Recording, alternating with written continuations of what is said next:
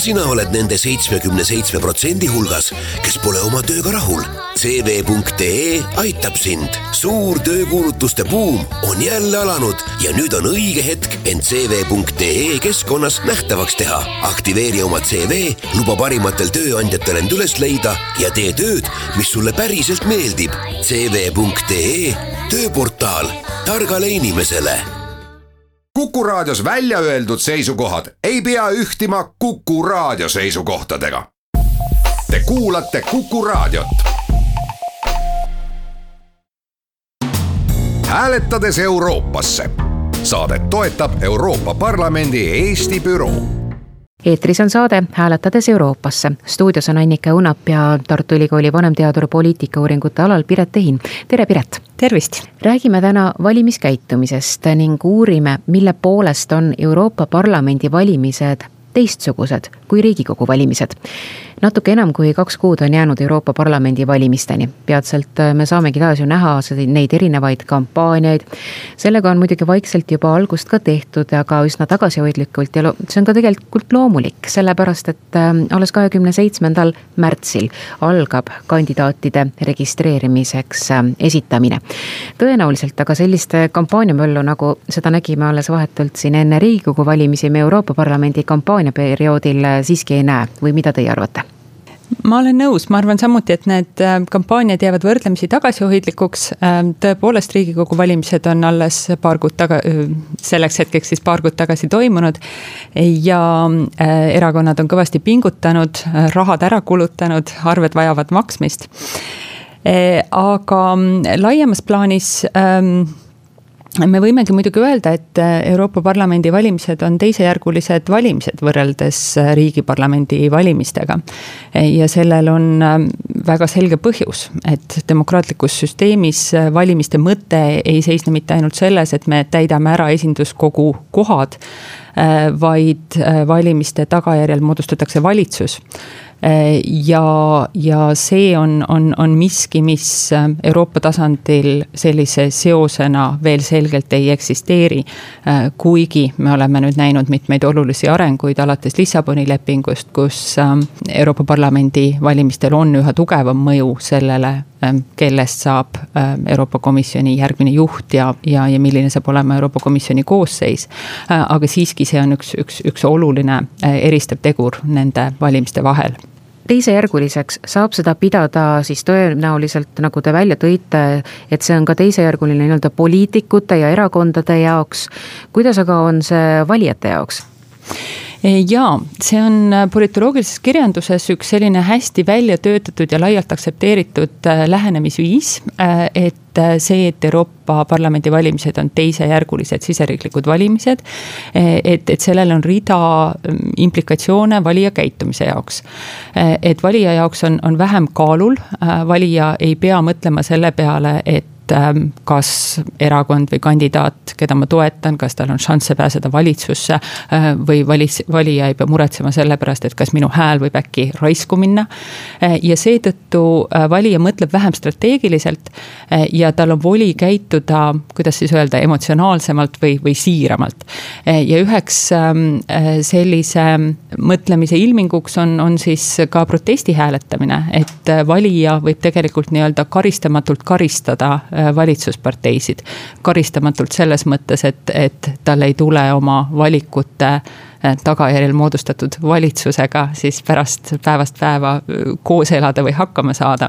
mida te näete aga nüüd, kui me vaatame siin tänast poliitikat, mis siin tehakse nüüd praegu Eestis, et äh, valija võib-olla tõesti mõtles strateegiliselt, aga nii strateegiliselt ta ikkagi ei mõelnud, et ette kujutada sellist olukorda, nagu me täna siin oleme. sellise võimaluse ees, milline koalitsioon võib meil tulla kas nüüd äh, Euroopa Parlamendi valimistega seoses võib tekkida selline olukord, kus äh, meie valija hakkab nüüd mõnda sellist erakonda, kes siin on mänginud äh, kahtlast mängu, karistama nüüd Euroopa mm -hmm. Parlamendi valimiste eel? Jaa, tänase seisuga me tõepoolest veel ei, ei tea, kes uue valitsuskoalitsiooni moodustavad. ütleme nii, et politoloogiline loogika ütleb reeglina seda, et kui Euroopa Parlamendi valimised toimuvad Äh, väga varsti peale riigiparlamendi valimisi, siis me tavaliselt äh, suurt valitsusparteide karistamise efekti ei näe. Äh, seda sellel lihtsal põhjusel, et erakondadel tavaliselt ei ole olnud piisavalt aega valijate lootusi petta kui siiski peaks minema nii, et me mai lõpus näeme seda, et valitsuse moodustanud erakonnad saavad märkimisväärselt väiksema häältesaagi või väiksema häälte osa, osakaalu kui kui riigikogu valimistel, siis üks võimalik seletus tõepoolest on siis see, et nende koalitsioonipartneri eelistused ei olnud valijale eh, meeltmööda kui te, mis on üldse kaalul, kui vaatame Euroopa Parlamendi valimisi, eh, mis on kaalul erakondade kandidaatide jaoks? Jah, ma alustaksin sellest, et aasta kaks tuhat üheksateist on Euroopa Liidu jaoks kahtlemata mitmes mõttes väga erakordne aasta Brexiti saaga jätkub, Briti parlament on just võtnud vastu rea otsuseid, on ähm, lükanud taaskord tagasi Theresa May poolt ähm, välja pakutud leppe, on äh, samuti otsustanud, et kõva Brexitit ei tule, äh, leppeta väljakukkumist ei tule. ja on siis äh, andnud oma, oma, oma poolehoiu, oma, oma heakskiidu Brexiti edasilükkamisele, aga mida see tegelikkuses tähendab, kui pikaks perioodiks äh, Brexit edasi lükatakse ja kas Brexitist lõpuks üldse asja saab. Äh, see on, on, on, on täna vastamata küsimus. Äh, ja tegelikult ähm, nii, et kuigi Brexit ei ole otseselt Euroopa Parlamendi valimiste teema, siis, siis kindlasti me kuuleme lähikuudel veel väga palju Brexitist ja, ja, ja see eh, Briti parlamendi neljateistkümnenda märtsi otsus toob tegelikult kaasa hulganisti segadust ka Euroopa Parlamendi valimiste jaoks. Kuna hetkel siis tegelikult ei ole selge, et kas Suurbritannia peaks samuti Euroopa Parlamendi valimised läbi viima ja uued esindajad parlamenti valima. ja kuna äh, siiamaani oleme ju lähtunud eeldusest, et britid märtsi lõpus Euroopa Liidust lahkuvad Äh, siis on vastu võetud juba rida äh, muudatusi, Euroopa Parlamendi kohtade arvu on vähendatud seitsmesaja viiekümne ühelt seitsmesaja viiele äh, on kohad jagatud ümber riikide vahel, Eesti näiteks pidi senise kuue saadiku asemel valima Ähm, seitse saadikut eelolevatel valimistel. Äh, et, et, et, et mis nüüd siis saab, et, et tegelikult, kui britid jätkuvalt kuuluvad Euroopa Liitu edasi, siis neil on lepinguline kohustus äh, viia läbi Europarlamendi valimised ja, ja, ja tagada see, et, et Briti saadikud ähm, on olemas teisel juulil, siis kui Euroopa Parlament esimest korda koguneb. aga tõenäoliselt seda vist ikkagi ju ei suudeta teha isegi parima tahtmise juures. olgugi, et võib-olla see Brexit äh, ühel või teisel moel äh, hetkel kukub läbi ja see lükatakse edasi, siis ei tehta Suurbritannias suurt mitte midagi selleks, et üldse ette valmistada oma saadikute saatmiseks parlamenti kahtlemata, et, et, et paar kuud enne, enne valimisi on, on väga raske ette kujutada, et need, need valimised seal, seal nüüd võiksid äh, toimuda. aga ühesõnaga meil, meil seisab ees hulk segadust ja, ja ka hulk juriidilisi debatte, mis puudutavad siis aluslepingutest tulenevaid kohustusi aga kui nüüd tulla teiste, teiste oluliste teemade juurde, siis kaks tuhat üheksateist on mitmeski mõttes selline poliitilise uuenemise aasta Euroopa Liidu institutsioonide jaoks. et sel aastal täidetakse terve rida tähtsaid ametikohti, mõistagi järgmise poole aasta jooksul peale, peale Euroopa Parlamendi valimisi äh, tuleb ähm, kokku uus Euroopa Komisjon, me saame uue Euroopa Komisjoni juhi. Äh, samamoodi äh, määratakse ametisse uus Euroopa Keskpanga juht detsembris peaks Euroopa Ülemkogu saama uue juhi, ähm, tuleb ka uus välis- ja julgeolekupoliitika kõrge esindaja. nii et, et tegelikult hulk äh, poliitilisi muutusi institutsioonides äh,, millega siis kaasnevad loomulikult ka uued äh, poliitilised programmid ja, ja plaanide tegemised. aga teeme saatesse väikese pausi ja jätkame kohe pärast seda. hääletades Euroopasse saadet toetab Euroopa Parlamendi Eesti büroo hääletades Euroopasse saade on tagasi. stuudios on Annika Õunap ja minuga koos siin Tartu Ülikooli vanemteadur poliitikauuringute alal Piret Ehin. me räägime valimiskäitumisest ning uurime, mille poolest on Euroopa Parlamendi valimised teistmoodi kui Riigikogu valimised kui me räägime valimiskäitumisest, siis ühelt poolt erakonnad lähenevad teisiti Euroopa Parlamendi valimistele ja tegelikkuses ka valijate käitumine erineb paljuski kui me räägime just äh, Riigikogu valimistest võrrelduna Euroopa Parlamendi valimistega. esiteks paistab see välja juba sellest, et Euroopa Parlamendi valimisaktiivsus on stabiilselt ähm, tagasihoidlik. kahe tuhande neljandal aastal kakskümmend kuus koma kaheksa protsenti, kahe tuhande üheksandal aastal küll jah, nelikümmend kolm koma üheksa protsenti, kuid kahe tuhande neljateistkümnendal aastal taas natukene vähem ja kolmkümmend kuus koma viis protsenti. nüüd, äh, kui vaadata seda tõesti aastate lõikes, siis kahe tuhande üheksandal aastal oli see ähm, üsna kõrge ja see oli ka tegelikkuses ju see aasta, kui äh, Indrek Tarand tegi üksikkandidaadina ajalugu. Mm, me mäletame seda, et Tarand sai tõepoolest üle saja tuhande valija toetuse mis tingis selle kahe tuhande üheksanda aasta fenomeni? Tarandi edu on, on päris hästi seletatav ikkagi läbi sellesama teisejärguliste siseriiklike valimiste teesi. sest ähm, see lähenemine ütleb meile, et kuna valija jaoks on vähem kaalul, äh, siis ta ähm, käitub vähem strateegiliselt, ta, ta äh, väljendab oma hoiakuid siis nii-öelda äh, siiramalt ja ta, ta ei muretse hääle, hääle kaotsi mineku pärast. Äh, ja, ja eriti siis see tees rõhutab, et valija annab endale voli võimupoliitikuid karistada. nii et aastal kaks tuhat üheksa oli Tarand kahtlemata võimas protestihäälte magnet ähm,. osaliselt see tema erakordne edu võib olla seletatav ka sellega, et äh, tookordsed Euroopa Parlamendi valimised langesid täpselt Riigikogu valimistsükli keskmesse. Need leidsid aset siis kaks aastat peale Riigikogu valimisi.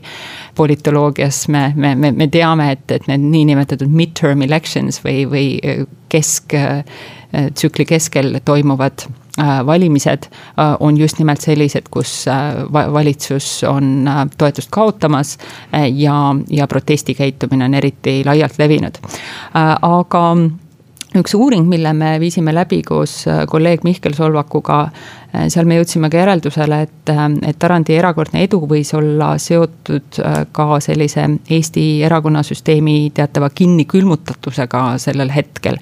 et et äh, olukorras, kus Keskerakonda juhtis veel äh, Edgar Savisaar, äh, siis mitmed ähm, valijad, kes olid võimuparteides pettunud ja oleksid heal meelel näiteks Reformierakonda karistanud, ei olnud valmis oma häält nihutama opositsiooniparteidele või siis peavoolu opositsiooniparteidele. nii et Tarand oli selles mõttes mees õiges kohas. nii et selline valijate jaoks mugav valik mugav, äh, mugav valik jah, mis ei, ei sunni ületama mingisuguseid äh, mõttelisi barjääre või, või piire. Te siin rääkisite just äh, valimistsükli faasist, et äh, millises valimistsükli faasis äh, me võib-olla saame näha ka sellist äh, inimeste osalusaktiivsuse kasvu, kui me räägime Euroopa Parlamendi valimistest ja, ja keda üldse äh,, milliseid erakondi või üksikkandidaate saadab mingisuguses faasis edu? Võib-olla see, see valimistsükli faas ei, ei mõjuta nii väga äh, osalusaktiivsust, kuivõrd just nimelt äh, siis seda valitsusparteide karistamist. sest see loogika on siin selline, et, et kui Euroopa Parlamendi valimised toimuvad peatselt peale Riigikogu valimisi, siis äh, valitsusel kestab veel nii-öelda mesinädalate periood äh,. ta ei ole jõudnud valijaid veel välja vihastada ja, ja, ja, ja tõenäoliselt ta väga palju hääli ei kaota, aga mida enam läheb aega mööda Äh, seda, seda suurem on siis võimalus, et, äh, et valijad on jõudnud milleski pettuda äh, aga Euroopa tasandi andmed näitavad, et tõepoolest see valimistsükli efekt on olemas. samas, kui me vaatame Eesti senist kogemust, siis me väga selgelt seda ei näe, et tegelikult kõige enam valitsusparteid Äh, kaotasid hääli äh, meie esimestel Euroopa Parlamendi valimistel kaks tuhat neli võrrelduna siis äh, kahe tuhande kolme, kolmanda aasta Riigikogu valimistega. et neid valimisi iseloomustas siis Res Publica tõeline põrumine, nad ei saanud ühtegi mandaati. Mm, et, et, et, et siin, siin oli, oli tegelikult riigikogu valimistest möödas ainult neliteist kuud. nii et, et noh, see ei ole selles mõttes absoluutne reegel, et siin on kahtlemata igasuguseid tegureid, mis rolli mängivad, näiteks ka kui kui valitsus on, on läbinud mingisuguse valitsusremondi, on välja vahetunud peaminister või mõni koalitsioonipartner. siis see võib anda teatud niisuguse uue, uuendus, uuendusefekti, et, et, et ametis olev valitsus ei ole olnud pidevalt, pidevalt sama nüüd äh, tänavu on ju kahe valimise vahe kõigest äh, kaheksakümmend neli päeva. Äh, riigikogu valimiste ja Euroopa Parlamendi valimiste vahe.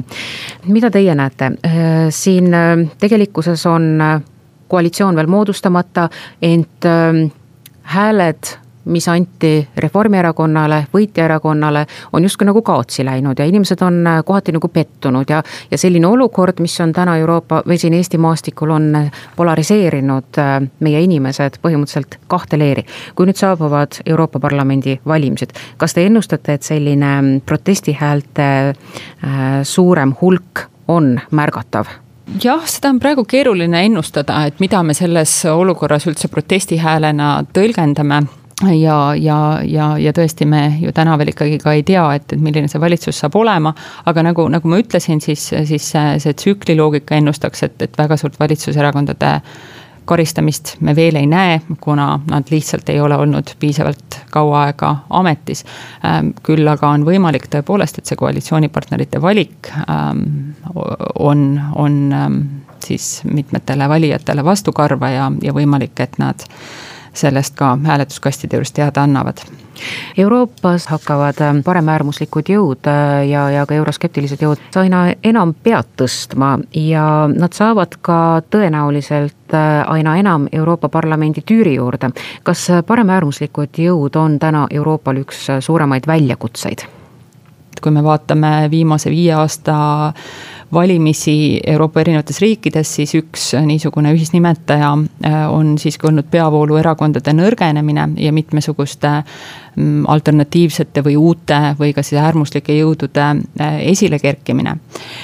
Ja teatud mõttes võib, võib ennustada, et, et me näeme kasvavat killustatust äh, ka Euroopa Parlamendis ja, ja, ja väga, väga huvitav küsimus on see, et, et, et mis, ähm, mis juhtub euroskeptikutega ja euroskeptiliste gruppidega Euroopa Parlamendis.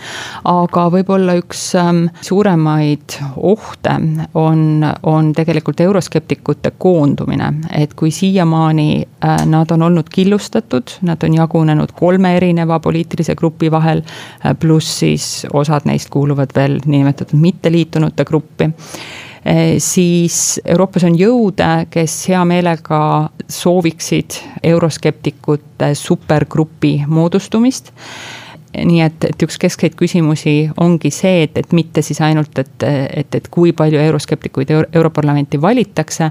vaid ka, et kuidas nad organiseeruvad, millised plokid moodustatakse ja kui sidusad äh, ja koordineeritult tegutsevad need plokid on hääletades Euroopasse saade tõmbab tänaseks joone alla, stuudios olid Annika Õunap ja minuga koos siin Tartu Ülikooli vanemteadur poliitikauuringute alal Piret Ehin, suured tänud kuulamast. hääletades Euroopasse, saadet toetab Euroopa Parlamendi Eesti büroo